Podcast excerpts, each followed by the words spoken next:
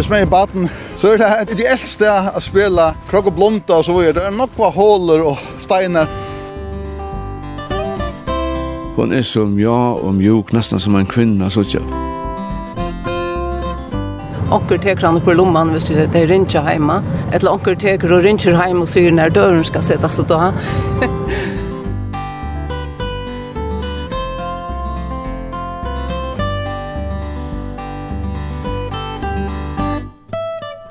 Gåan det, og velkommen vi Nuttjan Tur. Iver fjørete kongeturar om arre og i tretv år, arr, nekver nekvirturar og uteljande kilometrar til samans.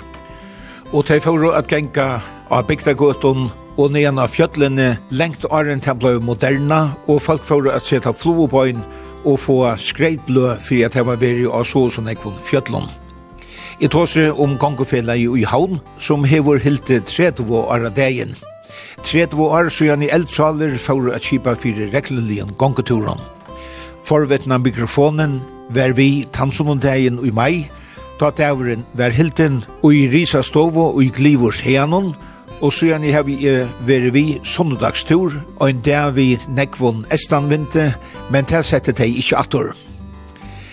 Hette er vi Tore og Tore, vi gong og felan og i havn.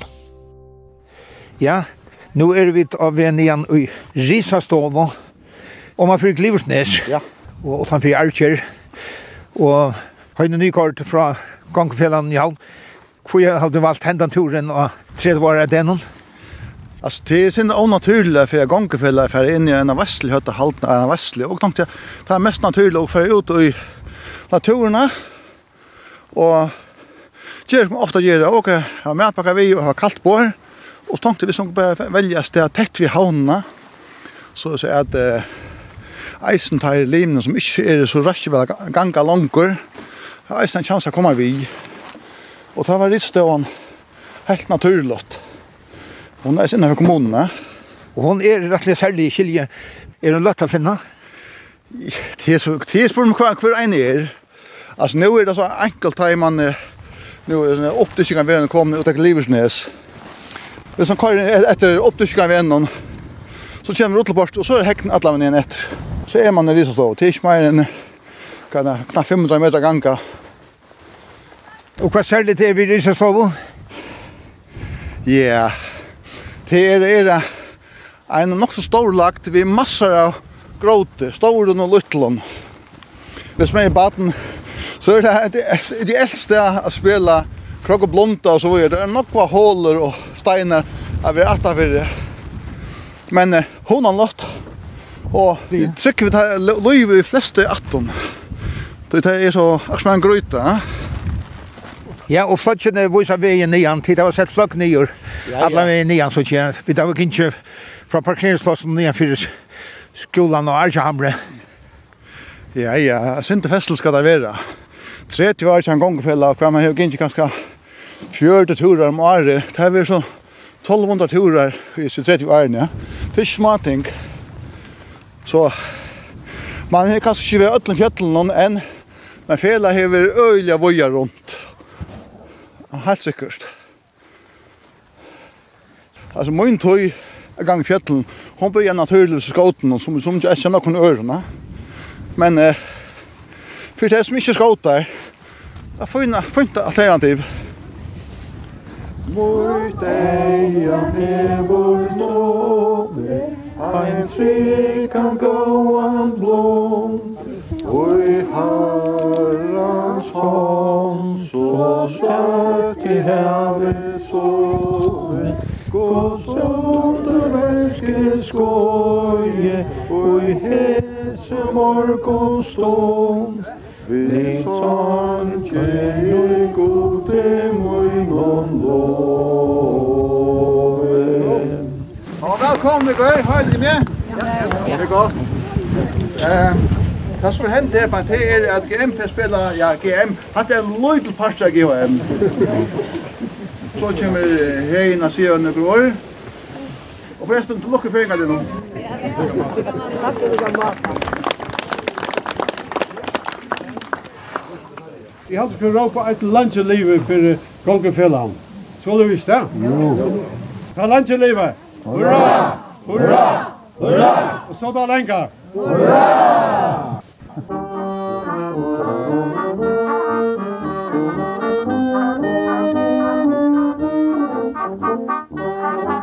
Hetta arbeiði kan ikki gerast upp og er gott verkt fyri okkum öll. Kongafella i havn er helst fyrsta skipaua gongefela i landinu. 19. mai 1953 for gongebøkker til felan og Torsland sin fyrsta gongetur. Hetta var i tøyene og han til var moderna lukka som har gengu fjötlen utan så at du hei gjør, seg, eller får et hare, eller etter fuglet. Og hetta var eisen i åren folkehelsereie og alle gode røyene om å være virkjen. Og ta vita vit, ta var Bette Johansen, som er her vi og i dag, kom vi hosgåten om å kipa ein gongepark. Og Bette hever jo vært, hei vært i Norge og finnes jeg henda uiblåster til dette. Tid har vært framme for tekkere tog, det må sies.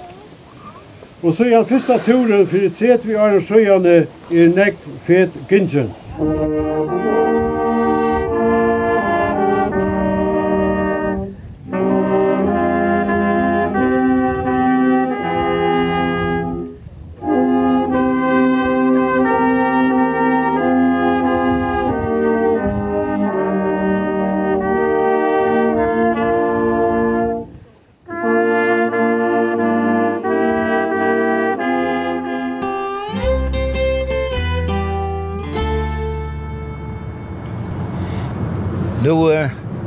færa vi til Esratunnelen, og, og det er nutjerturer av Skranne, og Bette Johansen, hver gang løyen i det, til sånn det var.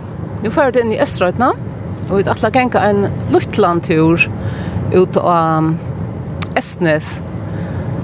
Vi gjør bare stårar og, og, og mjall og små turer, og nå løyer Aresen ekve ut at turene bare minka og være færre. Men vi gengar på en måte alt og er. Ja, nu er det her til november, så ta færa vi ikke igjen. Vi kunne færa vi løyve sundier, men eh, oktober er fjalltøy, så tar det eisne senter vi røyna pass på, så da. Ikke kinera nekran han. Men til kjera Øtslo av turen? Øtslo av turen, vi... Eh, Onkur kallar okkur for toppleis, men vi genga eisen toppar vi kvørst. Og lenka leier mittlen fjøt bygta gøtur damer okkur øyla vel. Vi var sista leier der i mittlen Kvalvik og Vestmanna, og man gjeng bjatna det alt deilige turer. Pura stilt og godt vever, godt og klorst vever. Ja, bygta gøtnar er virkelig gauar eisene. Og jeg råkner vi hvis onkur sett seg fyra geng alla bygta gøtnar, så gøtta lenka tog er man var liver vi til. Men uh, som vi alltid for åndtrand, det alltid vet ikke. Og, så vi finner på forskjellet. Jeg kan ikke nekve mittelenturene selv, og så finner man uh, eh kanskje nødt stø, nødt av fjelta deler som ikke interesserer, interesserer seg for, og så ser det et annet skrån at han Det er og stått litt.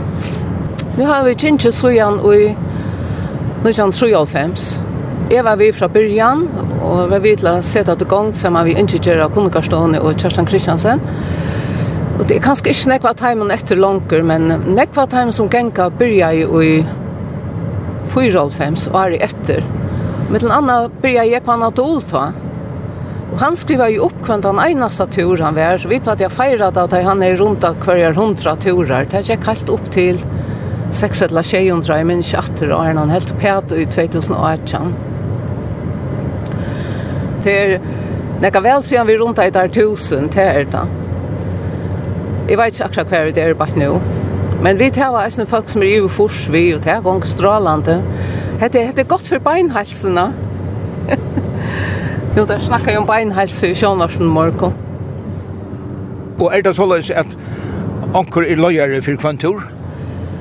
Ja, på en måte. Altså, tar man fer, så hører man en skrå, og så må anker være at han som vet hver man fer og hver vei man fer til. Vi gengar slett ikke alltid bare til bygdagøttene og nyan av toppar. Vi gengar pena leier forskjellige stennes. Og hvis vekker er helt håpløst, så tann som hever arbeid naturen skal hava helst uttankt et alternativ hvis, så man kan fære undan atten eller loksåret. Det gjør vi til kvørst. Alltså det är alltid god folk vi, alltså man er ikke ensam alle.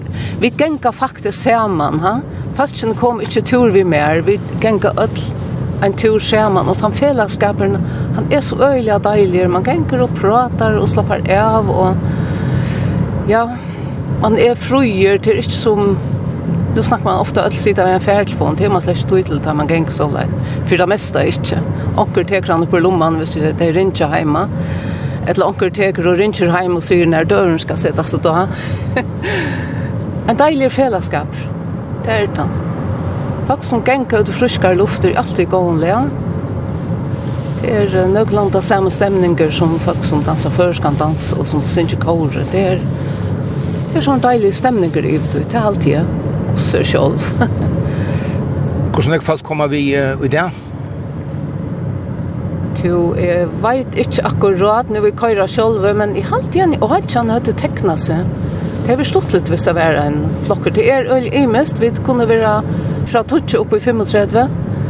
I mest fra tur til tur, og slett ikke det med Det er en blanding av folk bortsett ur limaskærene. Det er jo sånn ek tiltøk. Da vi begynte i 93, da var det nesten 80. Hvis vi akkurat var i havn, så kunne vi... Eh, lägga turen inte ta i tävera för jag fått kunde komma vi och men nu måste man nästan bara bestämma sig vem man ska lägga på sjura. Och stolar är faktiskt affärer vi bussen. Tui at øyli ofta er her som vi byrja turen, her som vi koma om man av vegin, at det er ikke det samme. Og skal ikke henta vegin etter som du er og tofte Og jeg kan nok spent er her i den. Solen skiner og... Betre vi över av Skalafjörn, no? Ja, ja, ja.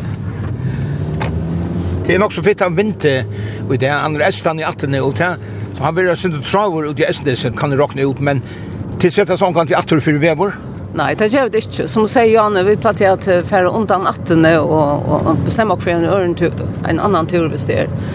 Men um, jeg halte vi prøver det bare det. Det er sånn stort løft at jeg ikke vinter og kvørst. Alltså kanske bäst hvis det inte är allt för vått samstundes. Nu brukar vi ett åken till bil. Tar man vet man kommer att till samma sted. Så, och nu ringte ett land eller annet som var av hesen høyene, och fick gå ra om kvar kunde parkera bilen. Och det er nettopp til man færlig som akkurat vedlegging, eller akkurat søver, eller akkurat om det stedet här som man ska färra så det är fint. Nu kör vi til etter Axelnon, som man kallar her, og nede fra Nese, og den beveren som ganger til Hauikar og Ridhuikar, og så miskøyes um, dreia vi ut av Esnes. Ja, vi kommer til veien kjøttan. Ja, her i Blakrosheime, svinsjene ned. Men hetta blir ikke en lenge gangeturer i dag. Veveren ganger jo holdt ut, da. Ja, jeg vet vi kan det er en lagt mellom vørene og nesvart. Det er så deilt å gjenge, jeg kan ikke til tur selv. Så det er ferdig han veien, så ganske hjemme til etter veien nå. Så man kommer til at det skulle til å ha gjørst av, en, av fundamentet av en vindmølle som er som får vinter for nekken av så gjerne. Det rykker nok så vel. Jeg har alltid hatt en arkitekt til at uh, gjøre dette her dette skule som er her. Det ser ut som en pyp i orkel. Jeg snør omkring tur fram vi öllum vötnum fra Toftavattni og ut etter her, til nekv pen vötn enda vi. Til te, te turar til te som tøyma sår det skjønner Til jeg sender akvarium. Vi tar eisen vi høgt oppi og er, vi tar veri av Gaurufjallet i Saxon, og vi tar veri av Klokkenon og Sore og Og svaten er forskjellig. Jeg minnes ikke alle turene. At, ja. Vind mellom rundt, ja. Nes hei. Jo, han snakka jo også om at her var hin Millan som miste vantjen her.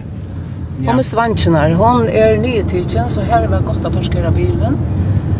Så alle er bare stand til her hvis folk ivast hver det skulle. Ja, men så tja, er det skjer omstandes. Det er langt, Jo, det er helt perfekt.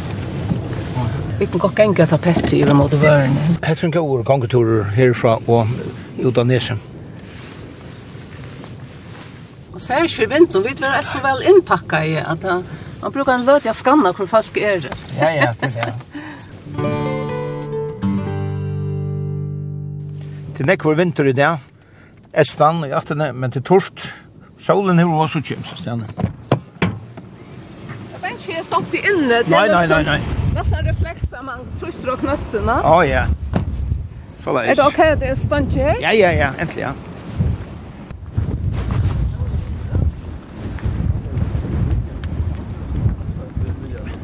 Ja, det Ja, Ja, det är. Det kan vara omätliga vekkort, alltså sommarkvöld, så kan ta sig det er helt fantastiskt. Vi er så vatten i forhånd. Vi er for sjøvna alle byene. Ja, ja. Hun er en tull opp og sånt nye. Det passer. Bant var for i havn, så var det tøy i alle. Ja, bant var det nye. Ja.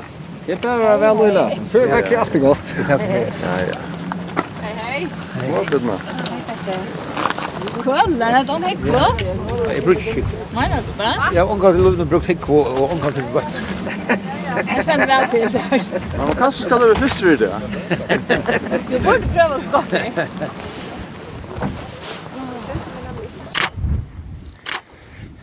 Heine Nykort, to teker mynter, og du hever et godt fototall, så ikke vi en lenkar i linsa. Ja, det er sindelang, og det er ikke det aller største, men, men man skal eisen bedre det hianen.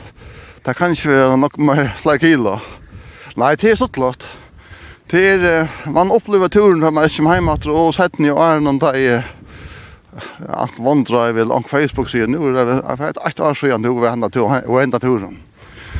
Och det är så klart. Til det var en kan gangfella, ja?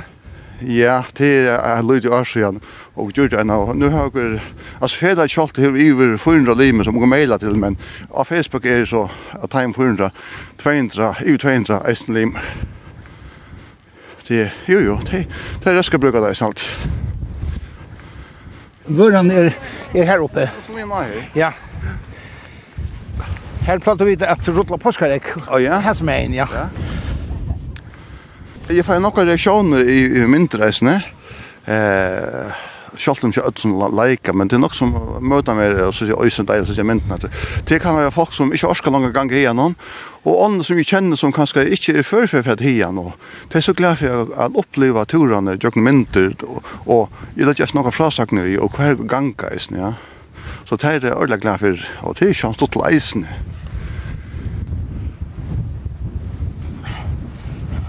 Jeg har fotografisk minne. Ja. Da man så fyra en tur och skulle vara han han där lojen en gång i jökna så får man jökna mynda sa han till till fotografiska minnen jag mer. Oj, här så gott att ganga så var ni om om den hamren och så vidare så vidare.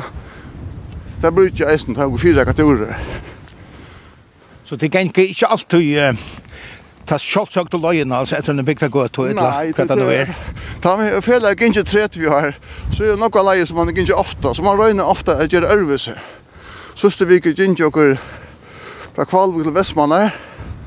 Og her var mein som etter vann i gøtene til Vestmannar, men også for gjør det av at Arne for man, nei, nå får jeg gå med Jørgen Fonsdal. Her er eisen gående bygda gøta. Og det var bare helt stått til å oppleve at han delen og ånda, fossa. Noe flott viljer i ånda. har også spiller i fjellene. Det er skokkene. Det er faktisk flottare ta i sol ikke er alle sen. Nok flottare, ja. Og eisne, man kan se liten og tullja fram, men, men det er hasommer, det er ofte øyne nok jås. Man fyrst ikke mynd for jåsen nå nesten. Tiril, han setter i, han skulle ikke noen. Ja. Elin Petersen, du kom til ekvatorer. Hver dag var det ganga, ja. Er du i ferd her, jeg tog? Ja, ja. Jeg tror ikke en som hever gynns alle toppar i fyrrjon. Jo, jo, jo. Det er eist et opplevelse. Ja, vi er i alla stramme. Det er øvrigt ikke engang vi gongfellan noen enn det er sånne toppar noen. Ja, det er sint øvrigt, det er sint mer avslappande ganske, men men her veien, hit er eist øyla stått litt. Uh, ta, jeg vet ikke, ta gong med mer etter vekk noen hver färre bästa färre det och så tar, tar man gänga oftare än andra för vikna. Annars blir det öjla trust. Så man kör tog att chattera komma och allt tror inte och fjord fjöllne. Det har alltid att tog en tre tre år för att jag började skriva upp. va. Så jag likar inte och så läst det vill säga. Och det är inte. Och nu ser onkel firma att du kan ju ha färdelärare skola kan nu.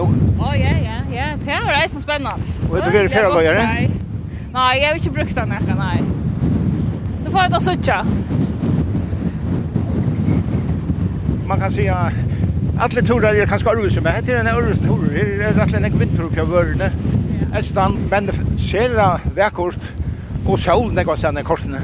Ja, man kommer man man man rela lätt till verkost rosen är alltså det det kan några få meter så det är otroligt flott alltså. Och heter en öliga och vattnatur. Jag gick inte i Amazon. Och damer vel. Han ganger en liten pett i her, så är pett i at tre, så han ganger tvei fjøtt langt. Alltså var han i rätt att de skräsa till fjällen va? Ja ja, ja. Och Esne så Esne. Så det är allt hålet där att samla då. ja ja ja.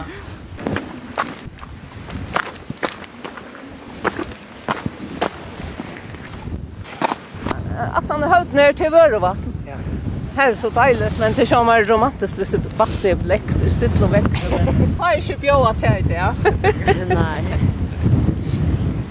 Ja. Vår vatten så är det näsvatten. Ja. Det är så massa. Ja, och så tar det små här ute i äsna.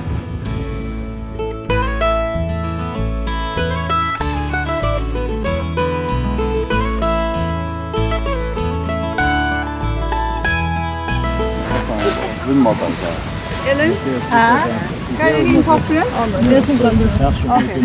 Er det topper her? Det er akkurat her. Ja, altså til den jeg kan. Åh, Jesus. Lykke vet jeg. Vi kan ikke bare helt opp her. Jeg trodde jeg kan ta for det. Nei, ta vet den ikke gjør. Kan jo, som det kom ikke rakt til minne, ja? Nei, så jeg det faktisk, men her er nok pener. Her er Nikvan og fjallet mittlen Botna. Nikvan har vi vært gang for mer en av fyrt, hver eller trutja fyr. Fjallet mittlen Botna, og fyrre har jeg alltid. Skalensfjall. Oppi av somfellet til gongi har vi ikke vært, til atle i i år.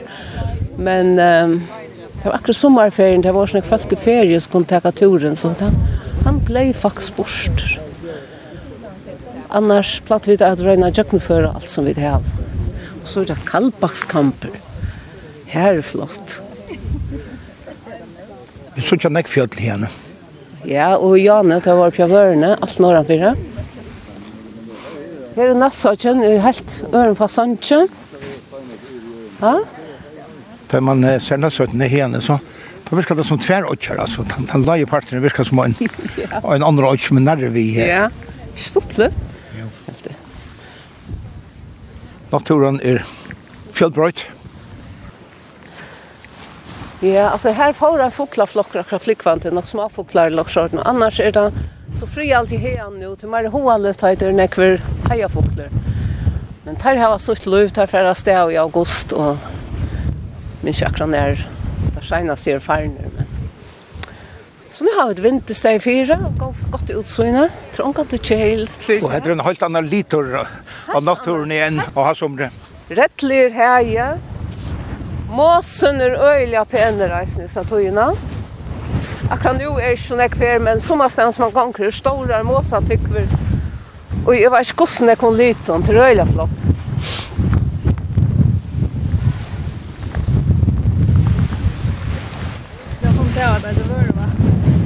Ja, Børvatten, ja. Det er godt kors. Ja, det er fint. Litt vatten. Og appen så ser jeg at du skal få meg her bort av kødden. Kjør det bare? Tåpå. Tåpå. Tåpå, ja. Så kjør du. På bakken, jo. Ja, da har jeg på. Hata, hata sier at du skal pløya møyra vidt. Åh, ja? Det er som vi har sagt, turgøyne. Ja? Nå, men vi tar vi timekommen. Anna-Maria Silloy. er så nekva turer og marrer vi kongefellene? Ja, det ble jeg vera, ja. Ikke kvann tur, men ofte. Jeg har vært nekva turer til sammen. Men så når han tur selja vel? Uh, ja, så nu er det så stort så igjen som jeg nevnte minnes det, men vi var en tur i Sore. Nekva toppar her på. Det er bare en, tror jeg vi ikke så igjen nok så. Det var en, en særlig tur, og jeg har svært nekva turer i Sore, så det var et, et opplevelse.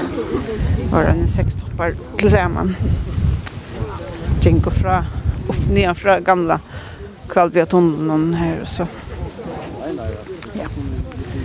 Det var en ordentlig god tur. Og så sår etter? Ja. Det var det de gjør, ja. Tror du du så løs at du enklere at du er ferdig sted? Nei, absolutt ikke. Det er ikke ikke. Det er alltid, alltid en god tur, alltid. Selv om det ikke er der planlagt og turene, så kan det være for en annan tur bare, og det er alltid gott bara komma ut alltid. Man får alltid ett upplevelse vi ut i naturen alltid. Kan du själv vara snälla tid? Eh ja, vi kan gå själv. Vi får själv den tur pura ensamma men vi kan gå i tur ja. Det är oss från Åke. Men den, ja. Men eh kan också vara för som folk är det Det verkar som att som folk tar färg just utan till er ankor som kipar fyra, ja?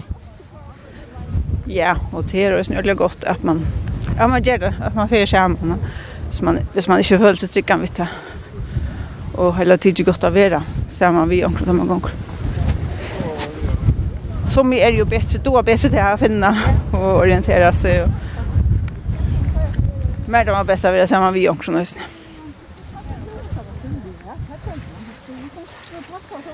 Nei, det er akkurat det.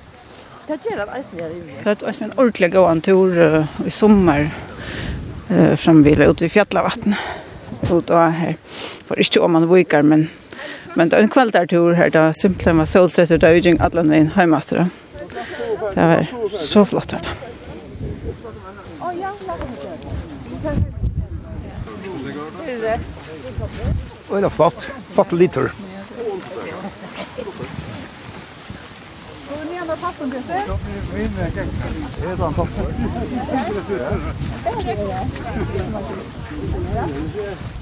Det er flest som ganger her, det ganger bare til vennen, da. Jeg setter en helt annen tur. Ja, det kan godt være, ja. Det er noe annet ganger, ut i hen, eller ut i bønnen. Ja.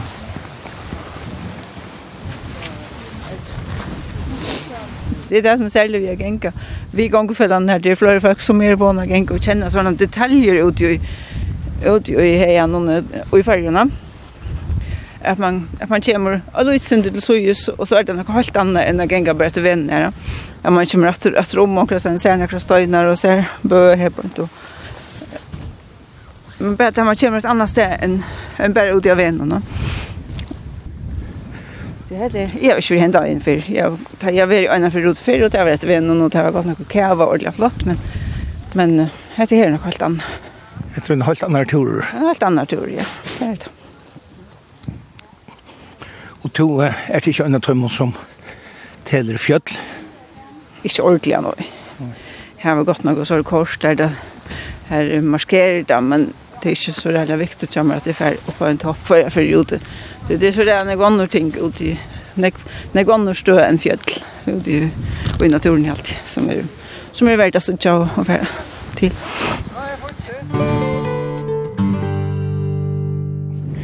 Brynja Birgisdatter, du er til Russland, og vi bor 25 år i førjen. Ja. Hur tog vi nekva turer vi i gongfedan i hand? Ja, jeg har vært nærkrar. Vi var för stort och så igen av Mallorca. Det var en god fär, nekve turer. Och annars blev blev röna färra ta i kam, Ta det blick och fyra. Och hur du vill när kan sälja av över den tur som du kommer tankar om. Ja, nekva goda turar. Til dømes var vi da samt her fyrre. Trygg var en god tur. Jens Marius var fyra leir i ta. Det var en god tur og minnelig tur. Ja. Og en tur som i det, vi nekk om vinter, og han er ser av fruskår, altså. Du enkrar omgang til at du vil en tur? Nei, det gjør jeg ikke. Og særlig at han turen til man kommer hjem. man har alltid godt, og godt uh, fellesskap, uh, stortlig folk, og fruskante, og, og godt å genka. Ja. Så det er en god fellesskaper? Ser gode fellesskaper, ja. Ja. Og i Osland er nekkur gaur kongeturar. Hefur du gynnt nekkur i Osland? Nei, tyverri, jeg må si at det har vi ikke gjort, men det veit jeg at det er eisne. Flere kongefelle, og, og her er godt å genka nekva stedne. Ja. Ja. Jo, vi, vi kjenker en lengan tur og sante her fyrre. Um, men i pleier at uh, han velger latta turer. Men gongu fölksinni er så, hafa verið svo røska genga enn ekvar, så han latt turer er nokk så stravin turer fyrir det som byrja. Men man kemur kjøtt etter tog. Det er alltid. Hva gjør det her, tar du virja en sånn tur? Ja, først og fremst velvero, og være ute, og sammen med fölksinni, og, og læra nekra turer att få komma känna några turer och lära att gänga. Det är ju helt annat att gänga i naturen än, än att köra en tur. Och annars säger jag slett inte väldigt färgen uh, själv utan att här var en god färre och, och gott folk samman vi att gänga. Jens Marius Poulsen, du har varit näck vi i gångfällan och med landa så har du varit ofta färre i Sandhöjtene. Hen till själv kämpar. Kvantutning heldig du at gongufjellar i havn har haft fyrir folk? to uh, gongfella i havn to vi til nok 30 år og siste 20 år når vi er vi og, og jeg må si akkurat som er at for det første så heldt det som man sier medan på plass du skal gange fjötlen og for jeg kunne gange fjötlen så må du orka gange og, og ta meg vekten ikke være for stor og til gongfella godt til. Og annars vil jeg si at, he, at uh, hvis man vil lære færger å kjenne, så ikke er vekk og land, så er det gongfellet tog jeg, man tår ikke for alle stedene ensamhandler, og, og vi har en, en kjent av visser av leien, og greier som det fra, hva det er, hva det er, og hva så er. Så får man ikke på fjord. Og det er alltid anker som kjenner rodene? Ja, det er at jeg pleier å tenke samtøyden og så nær og hver vi havn, så har vi folk som kjenner henne og kjenner reisen, og, og til øyne, øyne, avvist. Jeg fyllt jeg til og høyre hva det har greia fra. Mm. Nu får vi jo fast samband vi samtøytene om uh, näkra viker. Ja, nu er det nesten om det er. Og tar vi det sjönde skjutare ju fallet att til till samtalna. Kvärt kan uh, samtalen til dem som har hod at genka i naturene? Altså, samtøytene er jo nekva vekrar og goda turer. Og samtøytene er ikke hös och jeg kunne nesten utkomme vi. Og vi tatt en kjenta mann og skåpen som heter Johan Hendrik Winter Poulsen. Og han sier til at vår herre var i og det at han denne skapte samtøytene. Hon er som ja og mjuk, nesten som en kvinna, så ikke. Og her er turar, altså, alle stedene samtøyden, og han sier hvem man fyrir, så kan man få en gåan tur, hvis, hvis det er en som kjenner øyden og dora leia folk rundt. Og minnes du nekran, særlig gåan tur, hess jo Arne, du hør, kan ikke vi gong fyrir Jo, altså, jeg vil si at det er alle turene går, og vi er kommet atter, vi er vært ute i øtna vekkere, vi er ute i gåan vekkere, og ånden turer vi ringer og og det man säger, man gånger och gånger, alltså, jag vill nästan säga at at, at, at det är ingen ringer till sier hvordan hur og leik lajkar. og et godt om gånger för dig, ingen turer är näkron till avlust. Tisch kom fire? Nei man finner allt, hvis det är ötna vev så finner man det en, en natur i näromkvarven. Så det som alla så här ganga, det är ganga. Så det gör som att är man uh, virken i gången i havn, så kommer man, som man sier, rundt alla färger. Ja, det är rätt. Man kommer runt med alla färger och tog lägger man, lägger man uh, ar på rattspassarna mat man är de flesta åtgärderna och jag vet av varför så nu helt ute i foglöjten och inte så att her er ikke som, som vi er glemt. Og Utan som sådana färger som säger uppleva färger så tar bare komma vi igång för det. Och man får ut klockan 12 söndag morgon och nekv till lite og gränning om att det orkar inte upp Det er bare ett av det at ta sin nakken og færre sted. Så får man en gående det. Og sånn døren er den beste døren jeg kan gå i? Altså, sånn døren er nok den beste jeg kan gå i tog at nek folk her, nek hva gjerra leier der. Og som torkar prester sier til at man kan arbeide sånne der, så kan man arbeid om over husen, ja. Annars er det bare indelen arbeid. Og, og fyrt var flott og så videre, så vet ikke vel se å fære ut en sundag. Du skal helst fære en av gjerenstøv. Og tar det leir det?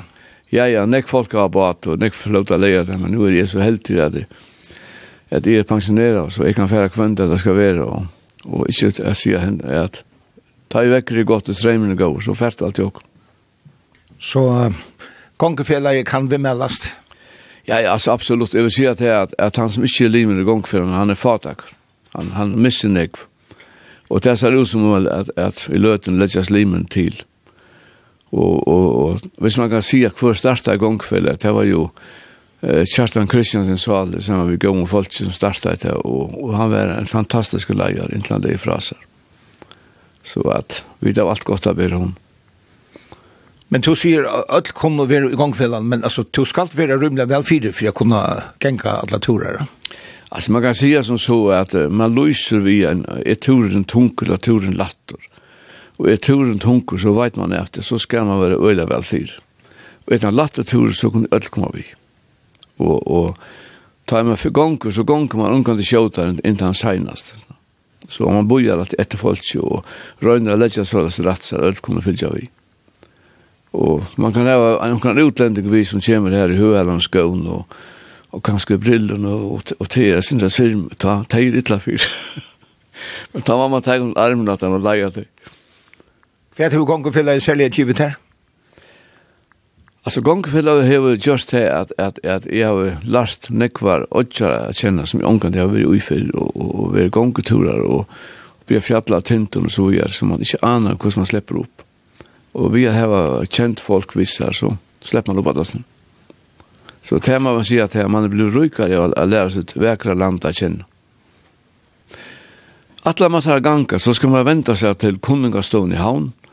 Och här ska man eh, lima sig in som limer i, i, i fällan Torsan. Och det kostar inte mer än patcha cigaretten att vara över limer här mari och så kan man ganga friska luft och, och kanske inte vara tuja röjtja så får man nästan lunken i regn. Men här melder man seg till och här får man så bo om gongeturar, kvön, leia til la sunda, hva det nu er. Men eh, som man sier, de fleste kunne sunda der. Og så etter jo eisene midt i viken sommer, da får man kanskje notta tur eisene. Men det, som man sier, det er vekker er godt og, og alt. Det spiller vi. Og er folk lukka røyska at møte opp og ha somre? Ja. Alltså jag vill säga att här akkurat med mina bötten här var sommarfru ta knupe kanske få någon jag vet ju att nek färra landen färast och nek är är samma bötten och färra tura bötten och det kan vara så tungt så bötten gång. Tog kan man säga att det här av times lotek akkurat i, i, i sommarferien är inte så högt som om var det mest. Och till folk i allan aldrig. Ja ja, nu är själva en försvar och Og jeg halte at jeg vil oppleve folk og, langt over forsen jeg var gynt jo. Og hvis man gonger så, så helter man som sier kroppen sterk. Så det er ikke å lette seg sofaen til å komme til gangen.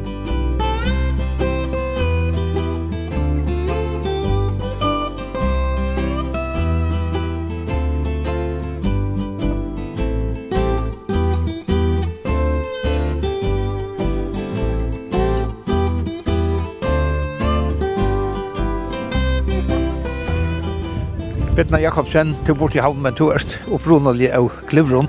Du er ofte kjentje hendet turen fra Vørne og Sora Esnes.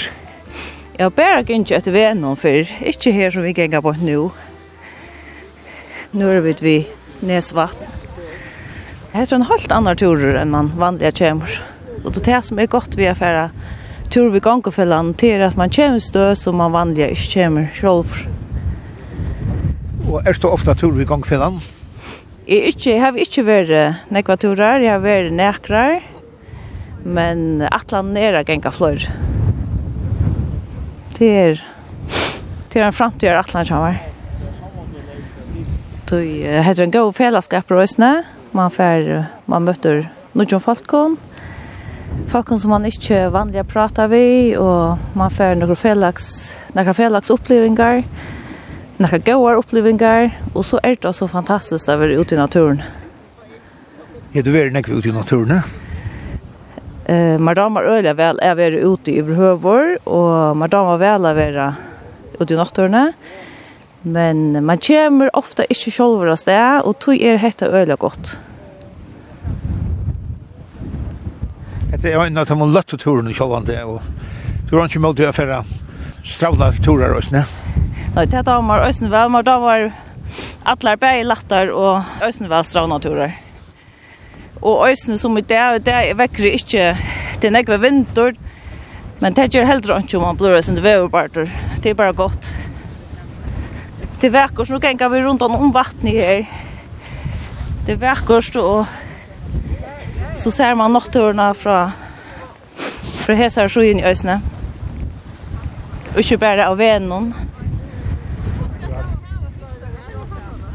det som jeg ikke platt sier hvis folk som ganger gangkveldene, at eh, det er så øyne godt for, og på alle mulige måter, både for sala helsene og for eh, at det er velværende av kroppen, at man får pulsen opp, lukker mange rostene av lyen og akron og så videre, og, og så annars er man er tøyer ved til, det sier at det er tekst tøy tøyer ganger, og buss og køysfyr den siste kommer, og man tenkt var rålått, og får man tog jag prata, inte man skal skunda seg.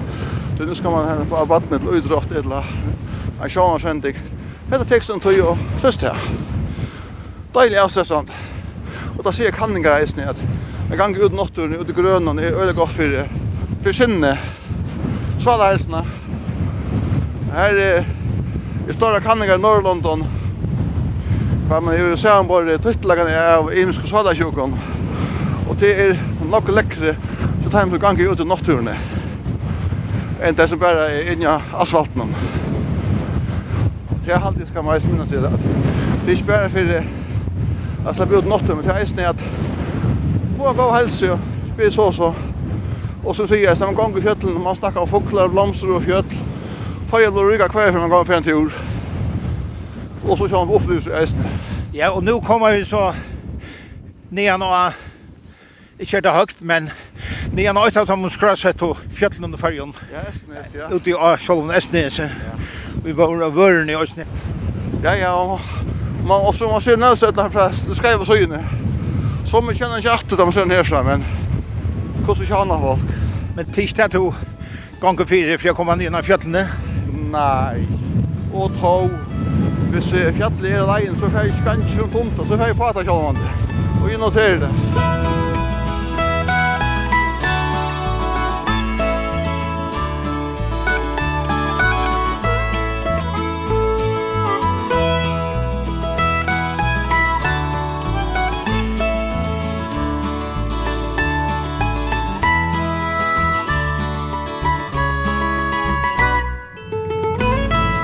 Bette Johansen, tar det færre uh, en tur uh, mellom bygter, til i heian, Be dit om løyve ta, eller tjalda det fyrir, eller hvordan skjer dit?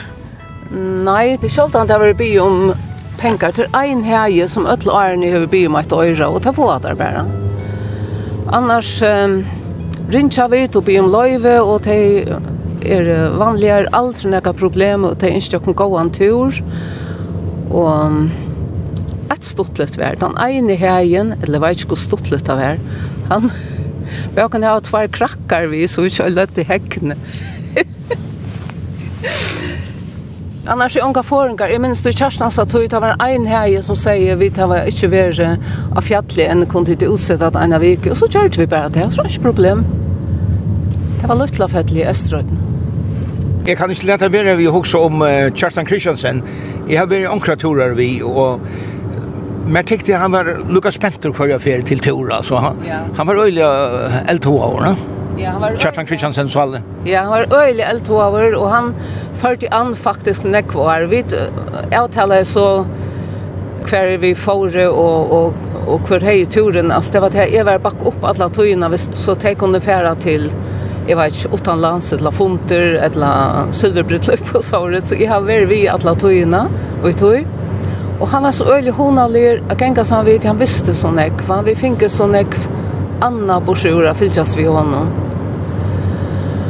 Og ja, så fylkjast han i fyrmynd, for det er ikke blivet som han, men det var øyelig inspirerande at at genga turar og i sånne går sammen vi hon det er helt sikkert. Vi tar var akkurat veri av Mallorca en tur og gynne 31 folk fra gongkveldene det var ordentlig hyggeligt.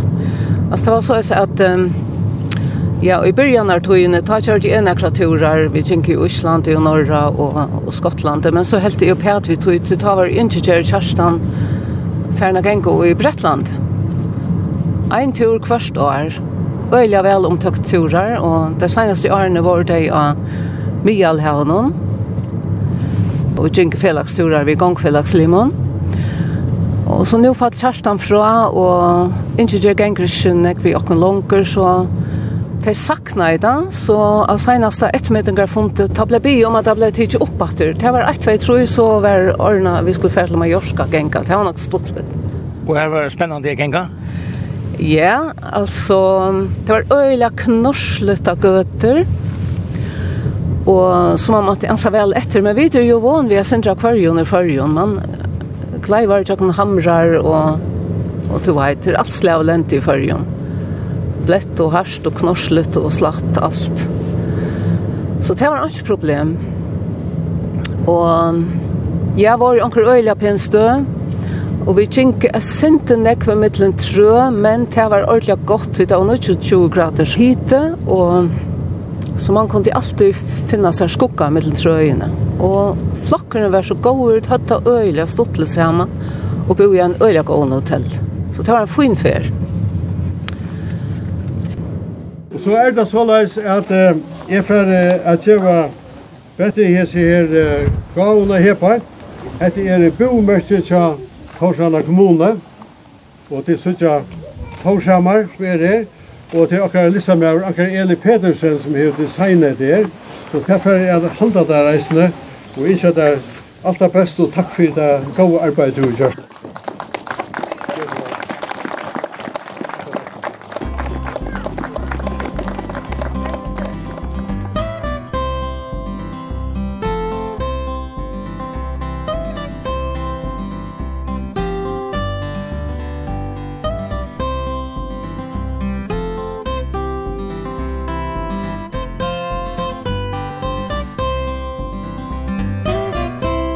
Hetta var så turen vi gongofelan og i havn, fjøret turar om året og ongan tur avlust i 30 år. Det er flott. 421 huske er limer i felan og Torshavn som skipar fire gongoturen. Som vi hørte var det borgarstjåren i hovedstaden som høyre i Bette Johansen, som har vært virken i gongofelan og ødlarene og er til framvegis. Hesen turen er atur at høyra torsdag klokkan 11 og leierdag klokkan 4, og han er anså hinner øysene og heimasøyene kja kringkvarpnum, skriva kvf.fo, framskak tt. Og så er han øysene som potvarp. Vi tåre og tåre hever øysene sujo av Facebook, Her er og myndir fra turunon og stundun òsne videobrot og tævera til òsne fra hesson turunon. Takk fyrir i dag. Om god vil, høyrast vid atur om øyne vikon.